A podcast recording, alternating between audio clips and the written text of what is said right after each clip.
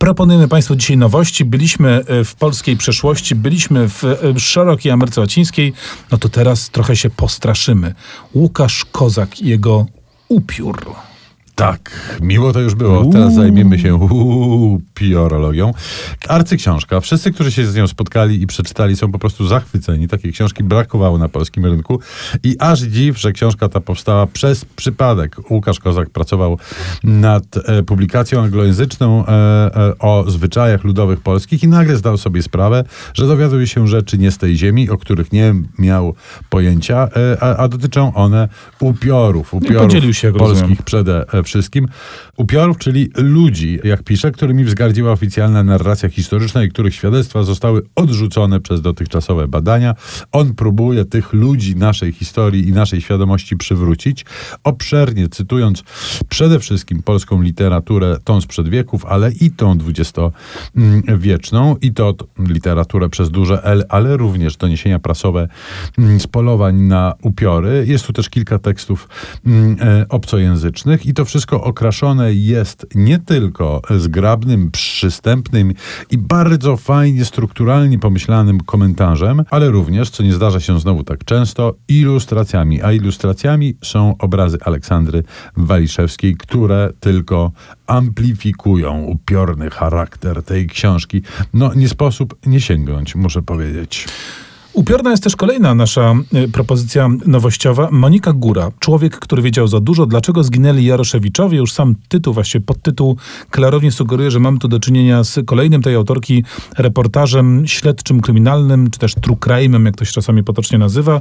Sprawa jest znana. Zabójstwo byłego premiera Perelowskiego i jego małżonki. Zabójstwo, które wstrząsnęło opinią publiczną polską. To początek lat 90. i co? No i do dzisiaj nie wiadomo tak naprawdę, co tam się wydarzyło. Do dzisiaj pozostaje więcej pytań niż odpowiedzi.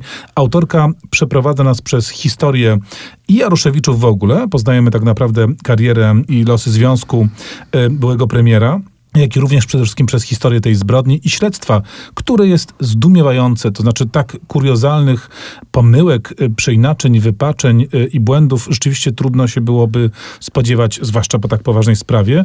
I to jest w sumie dołująca lektura. W tym sensie no, każda opowieść o zbrodni jest, jest jakoś tam dołująca, natomiast tak naprawdę wydaje się, że my muskamy pewien wierzchołek góry lodowej i no nie wiem, to taka jest narracja ryzykowna być może, ale, ale wydawać się y, może, że za tym wszystkim kryje się jakaś taka bardzo ponura prawda o latach 90., o polskiej transformacji, o w ogóle polskiej polityce i tej dawnej, i tej dzisiejszej, której to prawdy pewnie nawet y, wielu z nas wolałoby nie poznać. Powiedziałeś dołujące, no to podołujmy się jeszcze kapinkę, ale za sprawą najnowszej powieści Jakuba Żulczyka, którego zresztą anonsowaliśmy na początku dzisiejszego spotkania. Informacja zwrotna, taki nosi tytuł książka e, Żulczyka. Informacja zwrotna, czyli zwrotka. Nie wiem, e, czy wiesz z jakiego żargonu jest to termin. No pewnie z różnych, no nie wiem, zwrotka mi się z różnymi rzeczami kojarzy, nie będę na antenie mówił.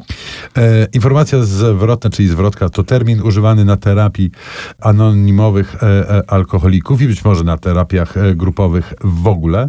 A książka opatrzona takim tytułem jest, e, no jak to zwykle u e, Żulczyka bywa, kryminałem, e, nie kryminałem. Głównemu bohaterowi ginie syn. Bohater jest byłą gwiazdą muzyki popularnej. Syn jest już dorosłą osobą i po prostu zapada się pod ziemię poszukiwania opętańcze trwają, prowadzone zarówno przez odpowiednie organy ścigania, jak i rodzinę. Natomiast prawdziwym bohaterem tej książki jest Chciałem powiedzieć alkohol, ale właśnie nie, właśnie nie. Nauk jako taki, nad tym Żulczyk się pochyla i alkoholizm zgłębia bezlitośnie. Akurat w tym roku mieliśmy wysyp książek o alkoholizmie i o nałogach najróżniejszych, natomiast Żulczyk rzeczywiście nie bierze jeńców e, i patrzy nałogowi prosto w widzące podwójnie i rozedrgane oczy, w międzyczasie próbując rozwikłać zagadkę.